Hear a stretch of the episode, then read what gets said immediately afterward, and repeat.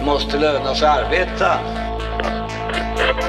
Det är väl den typ av inblandning vi kan ta ansvar för. I övrigt är det ju arbetsmarknadsparter som sätter löner i Sverige. Sticka en nål i en arm i Italien eller i Sverige borde inte vara jättestor skillnad egentligen. För mig är det viktigt att vi har verktyg och redskap om det är så att konjunkturen vänder. Välkomna till Arbete och fritid som vi spelar in torsdagen den 26 januari. Äntligen är vi tillbaka efter vinteruppehållet.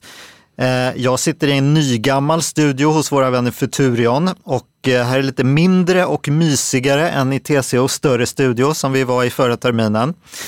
Britta Lejon, min bisittare, hon inleder terminen med att ta ledigt. Eh, Henrik Andersson Fågel däremot, han är med här i kulisserna och fixar ljudet. Och eh, idag har vi en gäst, nämligen Unionens nya chefsekonom Tobias Brännemo. Välkommen hit till TCO-huset. Tack så mycket. Du, eh, vi ska, du ska få presentera dig, men idag ska vi prata om det ekonomiska läget och förutsättningarna inför avtalsrörelsen. Och eh, kanske något om politiken, hur den ska möta utvecklingen med stigande räntor. Och att eh, trots en eh, rekordstor eh, löneökning i vår, kanske, som vi har att se fram emot, så är vi ändå inte i närheten av att kompenseras för inflationen. Vi ska ju också avslöja vad löneökningen landar på, i alla fall med stor sannolikhet i den här podden. Så håll i er. Okej Tobias, vad, berätta något om dig då. Var kommer du ifrån? Vad är din specialitet?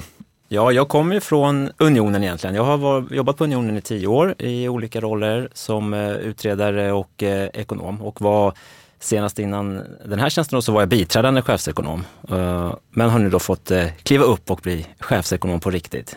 Just det, för er eh, förra chefsekonom Katarina Lundahl, hon gick till Liberalernas eh, samordningskansli, eller hur? Precis, så det, när det blev klart att de skulle ta en plats i regeringen så fick hon en roll där och då har jag tagit över stafettpinnen efter henne. Just det. Har du någon politiskt eh, bagage då? Det är spännande att veta. Ja, det, här, det bagaget är tomt. det finns ingen partifärg att bekänna mm. eller liknande. Däremot så har jag så att säga hela min, jag är utbildad ekonom och har arbetat hela min karriär egentligen i den fackliga utredarvärlden. Innan jag var på Unionen så var jag på facken inom industrins kansli som sitter hos IF Metall. Just det. Då vet vi vad vi har dig då. Ja. Du, vi tar det här med avtalsrörelsen tycker jag först. Hur... Jag kanske ska börja fråga så här. 4,4 procent är ju vad facken inom industrin har begärt som löneökning för nästa år. Hur kommer man fram till den siffran? Med tanke på att inflationen har ju dragit iväg mot 10 procent. Ja, precis. Vi gör ju inför varje sån här stor avtalsrunda så gör vi gedigna stora ekonomiska bedömningar inför, inför att eh, kraven ska eh, formuleras och att eh, förhandlingarna ska starta. Och det här har vi egentligen gjort på samma sätt i, under hela tiden som industriavtalet har funnits i 20-25 år snart nu. Eh, och då är, jag, då är jag en del av det arbetet och tillsammans med mina ekonomkollegor inom facken, inom industrin. Då. Och vi tittar på eh, en rad faktorer som vi tycker är det som avgör vad löneutrymmet ska bli. Och då, eh, då är det egentligen inte vad så att säga nuvarande inflationssiffran är. Det är inte vad nuvarande konjunkturläget är egentligen, utan vi vill bidra med en mer långsiktig och stabil utveckling där vi tittar på andra saker som vi tycker är egentligen det som är på längre sikt är det som avgör löneutrymmet. Och då tittar vi på hur arbetsmarknaden utvecklas, hur läget är med, med jobben. Vi tittar på eh, den kanske viktigaste faktorn, alltså hur industrins internationella konkurrenskraft ligger till och har utvecklats under de senaste åren och vad vi kan tänka oss om det eh, framöver. Um, så, så det, det, är den typen av analyser vi gör och de har som sagt, de har vi gjort på samma sätt i över 20 års tid nu och eh, vi har haft en period de senaste tio åren ungefär, där löneökningarna har behövt vara lite lägre än de var tidigare. Vi har haft en, det varit ett, efter finanskrisen egentligen varit ett läge där konkurrenskraften har varit ganska ansträngd. Eh, löneökningarna i Europa har varit betydligt lägre. Vi har också behövt ha lägre löneökningar i Sverige. Nu ser vi, när vi tittar på de här faktorerna, att alla de saker vi tittar på, alla kurvorna pekar nu på att det de senaste åren, både så att säga, en tid innan pandemin, under pandemin och nu efter har svensk industris konkurrenskraft stärkts tydligt. Eh, och det här gör att vi tycker att det finns tydliga tecken på att det är dags att, säga, att växla upp den här löneökningstakten igen. Som har varit låg de senaste tio åren och nu är det, är det läge att kunna ha lite högre löneökningar av de anledningarna. Men Ja. inte av att inflationen just nu är hög. För det det. tycker vi inte vi ska jaga. Så att. Just det, men jag tror att många funderar väl, eh, många, många, jag tror att de flesta kanske undrar varför så lågt som 4,4 procent med tanke på inflationen. Med tanke på att tyska IG Metall slöt väl ett avtal med 5, eh, jag har i mina papper här, 5,2 procent nästa år. Det var en rolig nyhet att eh, de som jobbar på ECB, alltså Europeiska centralbanken, de var inte nöjda med 4,07 i löneökning under 2023, utan de vill ha mer eh, som de blev erbjudna. Varför lägger sig eh, facken inom industrin på 4, så pass lågt ändå då, som 4,4 när Europa, Tyskland som man brukar titta på ändå drar iväg med högre siffror? Ja, precis. Men då får man komma ihåg att även då våra 4,4, det är de högsta kraven som vi haft då på ja, de här 20-25 åren med industriavtalet. Och eh, det är också kombinerat med en eh, extra satsning på de med lägsta löner som du kan drabbas mest av eh, när inflationen är hög och när de ekonomiska tiderna är besvärliga. Och självklart så kan det vara frustrerande att det, så att säga, ändå att, att, att löneökningar inte kan bli lika höga som den nuvarande höga inflationen och att man vi så att säga, tvingas se ett fall i reallöneökningarna på, eh, på ett sätt som vi inte har gjort, många av oss inte har gjort på under hela tiden vi har eh, arbetat eller varit i arbetslivet ungefär. Eh, men det viktigaste är ju att vi då kan komma tillbaks till en period när reallönerna kan öka igen. Och då får vi förstå att här, vägen dit, det kan inte vara att vi har löneökningar på 10 procent eh, när inflationen är, är, är 10 procent. Men ska svenska facket ta större ansvar för inflationen än vad till exempel tyska facket gör då? Det vet jag inte hur, hur de agerar för att stå för dem och det är lite olika system också i hur, så att säga, hur, hur de avtalade löneökningarna förhåller sig till utgående löneökningar i olika länder. Ja, eh, I Tyskland har man ett eh, egentligen helt annat system där så att säga man, man höjer eh, avtalstariffer och liknande och det är inte alltid det speglar sig i utgående lön. Men det där blir lite tekniskt. Men, men det är samma sak med att Tyskland har ju också en tradition av att kräva väldigt mycket. De kan ju kräva 10 procent och få då avtal på, på fem och så kanske utfallet blir någonting annat sen. Så att säga. Medan vi har ju en mer um, det faktiska utfallet av förhandlingar blir ju närmare vad kraven är här i Sverige. Eh, men, men vi måste ändå tänka på att och lära oss av historien och i Sverige har vi ett sånt så här otroligt tydligt exempel på det som man brukar prata om att vi inte vill komma till, en sån här löne och prisspiral. För att det var precis så här på 70 och 80-talen. Och eh, då hade vi också en inflationsuppgång som grundade sig i en energikris, men som sen facken på den tiden försökte kompensera sig för. Och då hamnade vi i en lång period av väldigt hög inflation, höga löneökningar som försökte nå det, men det gjorde att inflationen kunde inte komma tillbaka och då hade vi alltså en period i, i två decennier där reallönerna inte kom tillbaka och ökade ungefär. Vi hade löneökningar på 7 procent per år i genomsnitt per år i 20 års tid. Mm. Men inflationen var lika hög så det blev ändå inte några reallöneökningar. Nu har vi haft en annat, ett annat- förhållningssätt de senaste 25 åren och haft en jättegod reallöneutveckling istället. Och det är, den, det, är, det är dit vi måste tillbaka och då får vi förstå att då måste, för att uppnå det, så måste inflationen komma ner igen till låga och stabila nivåer och eh, det är våra bedömningar att det finns jättegoda förutsättningar för att det kan ske nu eh, och att det kan ske relativt snabbt om alla tar ansvar. Och om vi då så att säga också har en situation där löneökningen i Sverige blir lite högre framöver än de varit de senaste tio åren. Om inflationen kommer ner igen, enligt många prognoser så kommer inflationen redan vid slutet av det här året vara nere på 2% ungefär. Och då kommer vi kunna komma tillbaka med en period där reallönerna ökar successivt igen. Så det, det, det är det så att säga som är vårt mål, att få reallöneökningar på sikt. Inte att göra liksom allt möjligt för att hindra det fallet som är just nu. Utan den smällen får vi nog tyvärr acceptera att vi behöver ta, även om det är såklart väldigt frustrerande. Om du ska försvara åt andra hållet då, arbetsgivarna eh, tycker inte alls att vi har råd med Nej. eh, de här 4,4 procenten som det krävs, utan där var ju svaret eh, 2 procent från Ja. teknikarbetsgivarna Ja. plus någon bonus på 3 000 kronor. De ser ju en, hur, hur kan egentligen är kanske frågan är hur kan fack och arbetsgivare se så olika på utvecklingen av svensk konkurrenskraft och år efter år? Ja, frågan är hur olika vi ser på det egentligen, eller hur olika vi uttrycker oss om ja.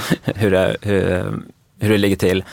Eh, men bara att de så att säga så tidigt kom med ett faktiskt bud på 2% Det kan ju tyckas eh, låta lågt, men det är ju betydligt mer än noll som det brukar låta ungefär. Va? Eller att de brukar komma betydligt långt senare i processen med ett första bud. Så det skulle väl också kunna tolkas som ett tecken på att även de ser att eh, eh det behöver ske ett skifte mot hur det har varit de senaste tio åren i alla fall. Men de, deras argument, de håller ju inte med oss i vår beskrivning av att konkurrenskraften har tydligt stärkts. De eh, säger att vi har haft en, så att säga, en, den, den den försämrade konkurrenskraftsläget, eller det ansträngda läget som har varit de senaste tio åren, det består. Tittar man från 2011 framåt, så att säga, då, då är det sämre än vad det var eh, under åren innan finanskrisen egentligen. Medan vi tycker att det är helt, helt, uppenbart att det har skett ett skifte de senaste åren, men som de då inte vill eh, veta av. Eh, men sen så säger de också att, de säger att det har inte skett någon förbättring. Men sen säger de att eh, all förbättring som har skett har berott på att kronan har försvagats också. Och det är lite svårt att få upp också. Hur, det har, det har liksom i, i grunden inte skett någon förbättring, men den förbättring som har skett kan bara förklaras av att kronan har försvagats. och där håller vi inte heller med då, utan eh, säger att det, det har gynnat svenska företag, framförallt lönsamhetsmässigt eh, senaste tiden, men att de så att säga verkligen tydliga tecknar på att konkurrenskraften har stärkts, det kan inte bara förklaras av en svensk krona. Det förklaras av att svenska företag har presterat jättebra helt enkelt i den globala konkurrensen. Mm. Nu skulle vi ju haft en eh, representant från arbetsgivaren här och, och eh, fått ge deras synpunkt. Ja. Men eh, eh, jag, ja, lite kuriosa, men jag började ju kolla på det här med hur eh, olika man egentligen ser på konjunkturutvecklingen. Om hur, man, hur olika fack och arbetsgivare förutspår BNP och sådär mm. i fram, ja, för kommande år och så. Och det visar sig ju att man ligger ju ganska nära varandra egentligen i hur man, hur man ser på utvecklingen, även om det kanske är så att arbetsgivarna är lite snålare och facken är lite mer generösa. Men sen så formulerar man det där på väldigt olika sätt när man, när man eh, presenterar det rent retoriskt. Är det, stämmer det med din, eh, din erfarenhet? Det stämmer nog eh, väldigt väl. Vi, har, så att säga, vi tittar på samma verklighet. Vi har, vi har ju mycket kontakter med våra fackklubbar ute på företagen. Arbetsgivarorganisationerna har ju mycket kontakter med företagsledningarna kanske. De möter ju precis samma eh, verklighet och har väl förmodligen samma bild av hur det går på, eh, på företagen. Mm.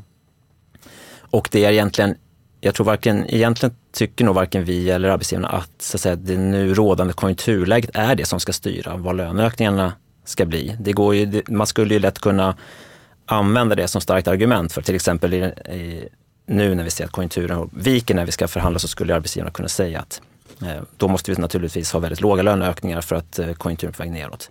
Men eh, vi kan ju lika gärna vara i en situation där vi förhandlar i det, omsatt, eh, det motsatta konjunkturläget och då hör vi ju sällan de argumenten att nu ska vi ha väldigt höga löneökningar eh, för att konjunkturen är så god. Så att eh, det där tror jag vi egentligen både försöker hålla oss ifrån att utnyttja så att säga, tillfälliga sådana eh, situationer.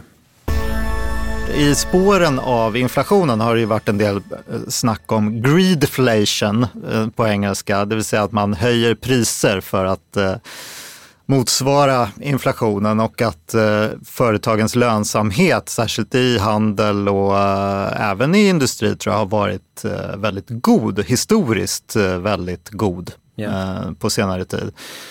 Så det får väl fackföreningsrörelsen att säga att eh, företagen borde ta ansvar och det är väl, delat, eh, det är väl en delad kaka det där. Hur mycket ska, ska företagen ta ansvar? Har man ett stort ansvar nu? Håller du med om den bilden att man gör historiskt höga vinster och att det liksom implicerar att man borde ta ett ansvar och dela med sig till arbetsgivarna? Och, och hur korresponderar det där med, med löntagarnas ansvar och inte driva på inflationsspiralen?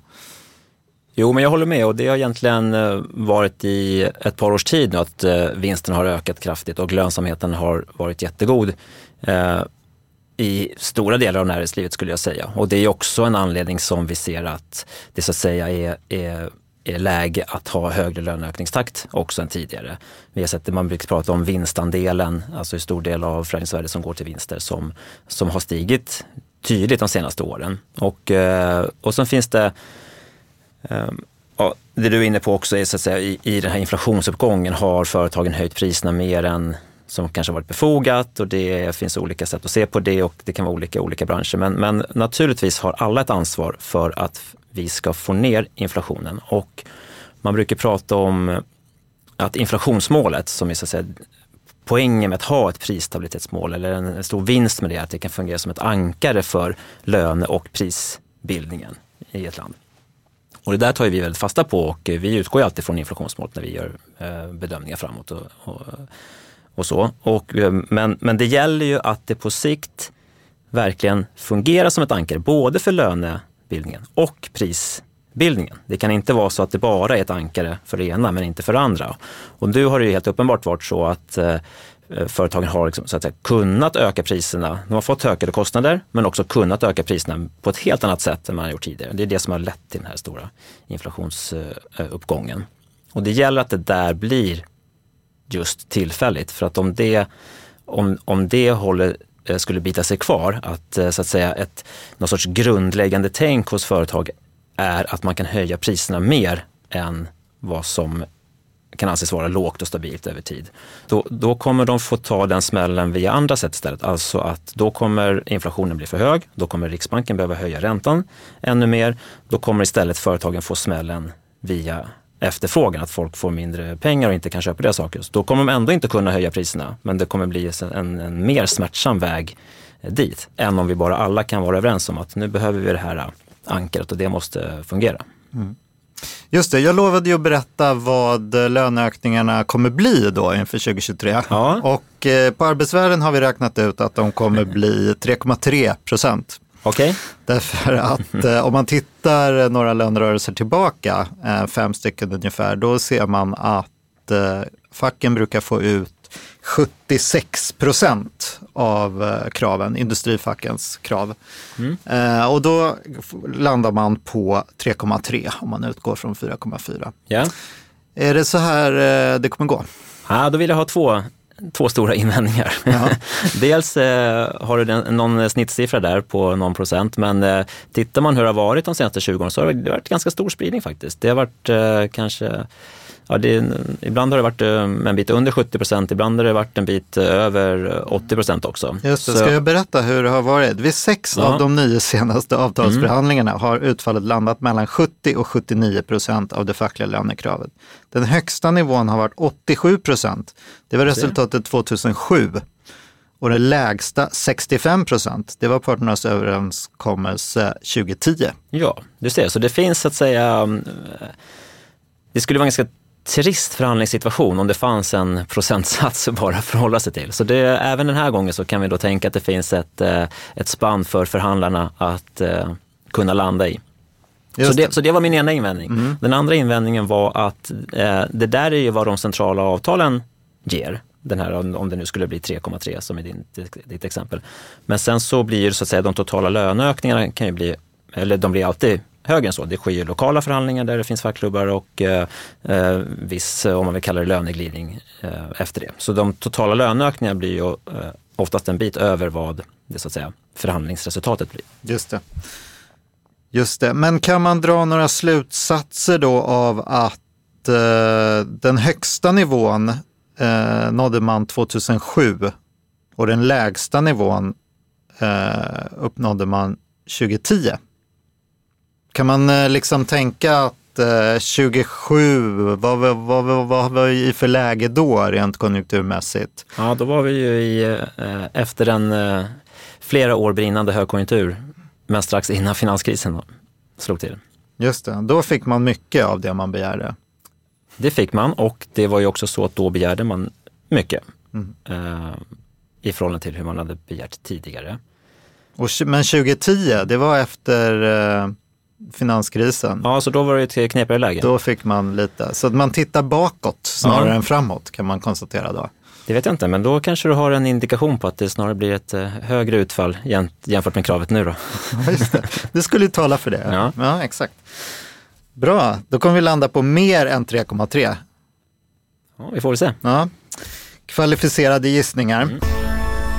Ska vi lämna liksom avtalsbiten, om du inte har något som du måste få säga om det, eh, och ge oss in lite mer på svensk ekonomi, räntepolitik, finanspolitik. Um, hur ska Riksbanken tänka enligt unionen? Ja, nu vet jag inte om det blir unionen eller om det blir jag, men det kanske är samma sak. eh, Ja, det är samma sak tänker jag. I, I just den här frågan. men, eh, nej, men vi har ju haft en period med, med eh, en snabb omställning av, eh, eh, av penningpolitiken, både i Sverige och i hela om, omvärlden såklart. Och eh, jag är väl lite orolig att det går så pass snabbt att vi inte riktigt hänger, hinner hänga med i och kan bedöma vad som händer och inte centralbankerna själva heller.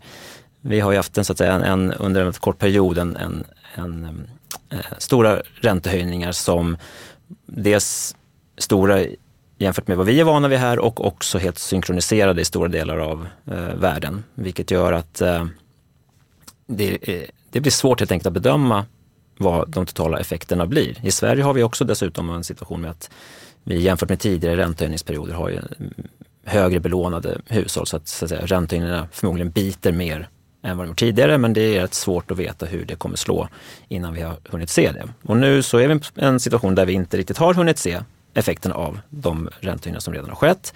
Det finns vissa tidiga indikationer på så att säga att det sker en avkylning av eh, ekonomin och av arbetsmarknaden. Och eh, då menar jag att det är nog läge nu att Riksbanken har lite mer is i magen och eh, kan gå lugnare fram nu än vad de har gjort eh, hittills. För att inte riskera att eh, de så att säga, negativa effekterna blir större än vad de annars skulle bli. Är inte det som ligger i eh, förhandlingskorten nu ungefär att eh, Riksbanken höjer styrräntan från 2,5 till 3 eller kanske till 3,25? Vad, vad är liksom unionens eh, take? Var borde man landa? Ja, vår, våran, våran prognos, alltså vad vi tror att de skulle göra, och det sa vi redan i november när vi kom med vår senaste konjunkturprognos, det är att de kommer höja nu, precis som du sa, med 0,5 procent vid nästa möte i februari. Eh, och, och sen så tänker vi att inflationen kommer vända ner så snabbt under året så att Riksbanken kommer sen hinna börja sänka räntan igen innan året är slut. Men som du säger, vissa bedömare är inne på att det kommer krävas ännu mer eller att Riksbanken kommer välja att höja ännu mer. Jag tror inte att de kommer höja med en sån stor höjning redan nu, men däremot så kan det komma fler höjningar senare under våren då, så att vi landar på en högre, en högre total styrränta än, vad, än de här 3,0 som vi har som topp då. Just det, men vad tycker ni då? Eh, Ska, man vara, Nej, ska de vara jag sa- försiktiga nu eller ska man höja mer nu så att man kan komma ner mer sen? Nej, jag menar då att eh, vi har redan höjt så pass mycket Ja. och att det är bättre att vänta och se vad som händer och ha någon sorts förtroende i att det vi har gjort nu kommer få effekt. Det finns ingen eh, rimlighet i att de stora effekterna som det kommer att eh, det stora utslaget som de, de kommer få, det finns ingen rimlighet att vi skulle ha sett det redan nu. För det har gått för kort tid helt enkelt. Det skulle vara bättre att Riksbanken helt enkelt nu kan ha lite mer is i magen och så att säga lätta på bromsen i tid istället. Då kommer vi in på finanspolitiken, tänker jag. Vad regeringen ska göra eh, med eh, sina utgifter eh, och kanske inkomster. Och vad vi har råd med och varför. Jag vet att din företrädare Katarina Lundahl hon var med i den här podden och skojade lite ifall man kanske skulle till och med få kompensation för att hallonglassen hade blivit dyrare. Mm, just det. Eh, apropå det här med elprisstöd och så vidare.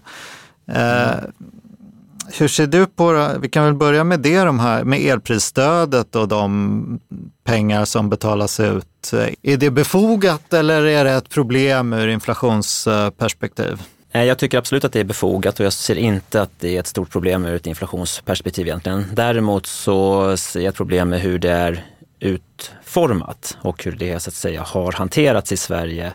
Där vi har varit både senfärdiga och så att säga gjort både egentligen mindre och eh, mer senare lagda saker än vad många andra länder. Och det där kan bli en, det blir en eh, konkurrensnackdel för Sverige när det är många andra länder som har en annan typ av system som var på plats mycket tidigare. Och allt hattande som har varit eh, med olika besked vid olika tidpunkter, löften som har eh, eh, uttalats men sen inte kunnat infrias och det här skapar ju, dels är det ju en press för hushållen som jag har fått, det här grundas egentligen liksom tidigt i höstas egentligen när det var en tidigare så topp i elpriserna och det var det här hela snacket med att det här var efter att Ryssland ströp eh, gasledningarna helt och gaspriserna sköt i höjden.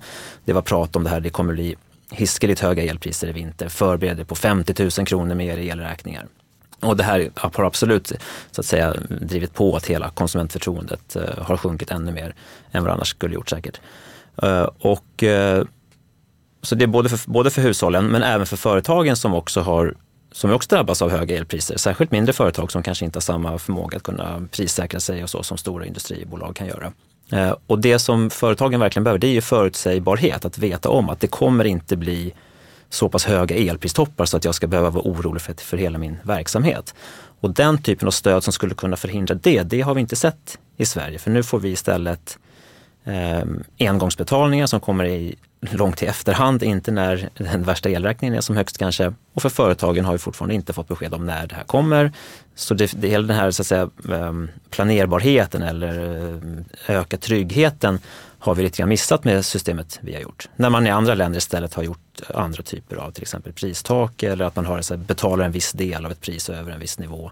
Ehm, eller gör andra saker med att sänka skatten eller liknande på energin. Som, gör, som så att säga, skulle ge en mer långsiktig trygghet i att man åtminstone inte behöver de här värsta topparna i elpriset. Och där tror jag vi kommer behöva tänka på även framöver. För nu pratar vi mycket om så här mm, blixtinsatser för situationen just nu, men vi får ju finna oss i att elprisnivån kommer förmodligen vara högre än vad vi är vana vid, även under lång tid framöver. Och att det kan också vara, vi behöver ha en förberedbarhet på att det blir sådana här tillfälliga pristoppar. Och att kunna ta bort den osäkerheten det ger, det skulle ju vara väldigt värdefullt. Inte minst för många mindre företag. Mm. Ja, frågan är hur man löser det framöver då. Om det är befogat med den här typen av liksom krisinsatser som ändå ska vara förutsägbara. Ja, det är svårt. Det är lite motsägelsefullt förstås. Men du, vad ska, ska man fortsätta föra en sån här, eh, som Elisabeth Svantesson, finansministern, har kallat det för stram eh, budgetpolitik då? Eller har vi råd att ösa på mer? Vad är unionens ingång? Det är väl lite grann två olika saker. Om vi, alltså att vi har råd, det har vi. Mm. Vi har väldigt eh, starka statsfinanser. Ja, det. Och det, är det lämpligt det, kanske? Ja, precis. Det är nog snarare mm. det som är frågan. Att, och, eh, och då, då är min bild lite grann att vi, det var ju en situation i höstas när budgeten togs fram och eh, då var det sån väldigt het diskussion, naturligtvis av den höga inflationen och finanspolitiken ska inte störa liksom, Riksbankens jobb att eh, få ner inflationen. Och det, det är nog fullt rimligt och det är klokt att ha det som utgångspunkt. Men sen var det också just då, det är inte om du minns det här att det var eh, de insatser som gjordes i Storbritannien som fick eh, som, eh, förödande konsekvenser där med eh, den nya regeringen som gjorde Stora, stora skattesänkningar. Ja, precis. Mm. Och så vart det höll ju på och krackelera hela liksom, finansiella marknaden och allting. Och då, det var i den situationen också, det där och det refererade finansministern till också, att vi får inte göra om de misstagen.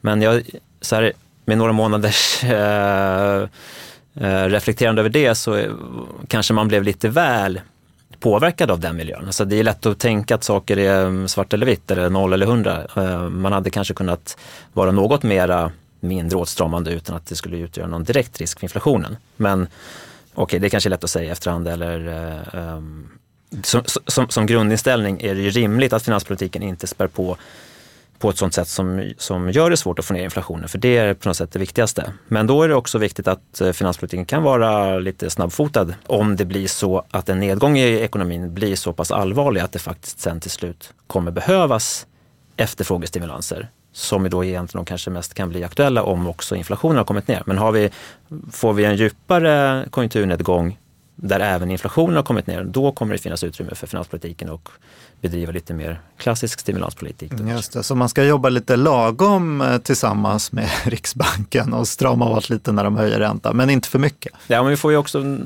åtminstone om konjunkturnedgången blir så pass allvarlig att det faktiskt kommer behövas att uh, det görs någonting för att få igång Eh, efterfrågan. Det är då det blir aktuellt för finanspolitiken att kunna vara den som kliver in då.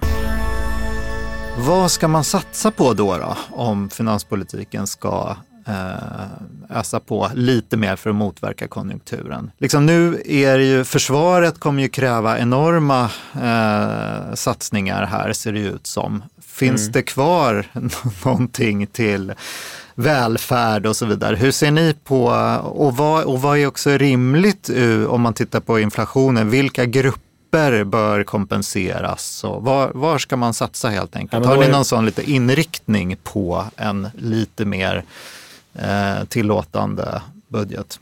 Ja, inte mer än att det är så att säga naturligtvis eh, det viktigaste och så är det ju alla ekonomiska nedgångar att eh, det är de som redan hade sämst ställt eller minst marginaler sedan innan som blir de som drabbas eh, värst och det är också de som behöver mest stöd och det är också där det går att få så att säga mest effekt av eh, satsningar i och med att eh, det är där ja. de spenderar stor del av inkomsterna. Ja, precis. Så, ehm, så då, är det väl, då är det väl på de områdena som det skulle kunna vara mest angeläget att få så att säga eh, stimulanser.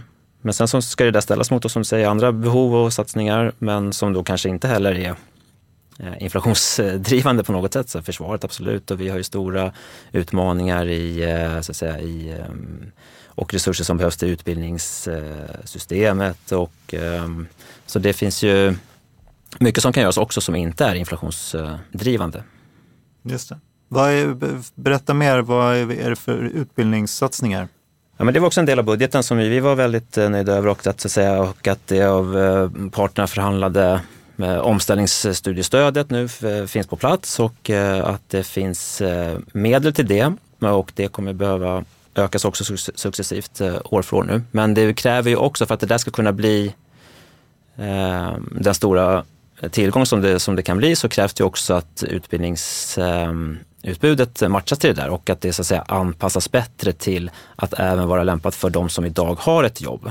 För det är det som krävs för att det ska kunna finnas eh, kapaciteten i det här, att eh, det här stödet ska kunna leda till en förbättrad omställning så kommer det ju också behövas eh, ett, eh, ett eh, förbättrat sådant utbud med till exempel kortare kurser och distansundervisning och liknande som är mer lämpat för de som idag redan har ett arbete också.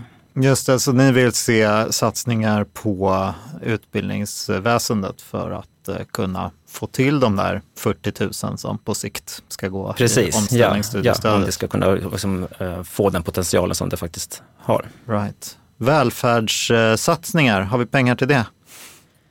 Är det prioriterat? Jag ska inte fråga, har vi pengar till det? Jag ska fråga, är det prioriterat? Ja, jag tror vi alla har ett, eh, ett eh, intresse av att vår gemensamma välfärd eh, fungerar bra och så det, det är inget tvivel om att det ska vara prioriterat och särskilt när vi har statsfinanser som tillåter det så finns det ingen anledning att vi ska skära ner i ambitionerna på vår gemensamma välfärd när det inte på något sätt skulle vara motiverat av ekonomiska skäl heller. All right. Tack så jättemycket Tobias Brännemo.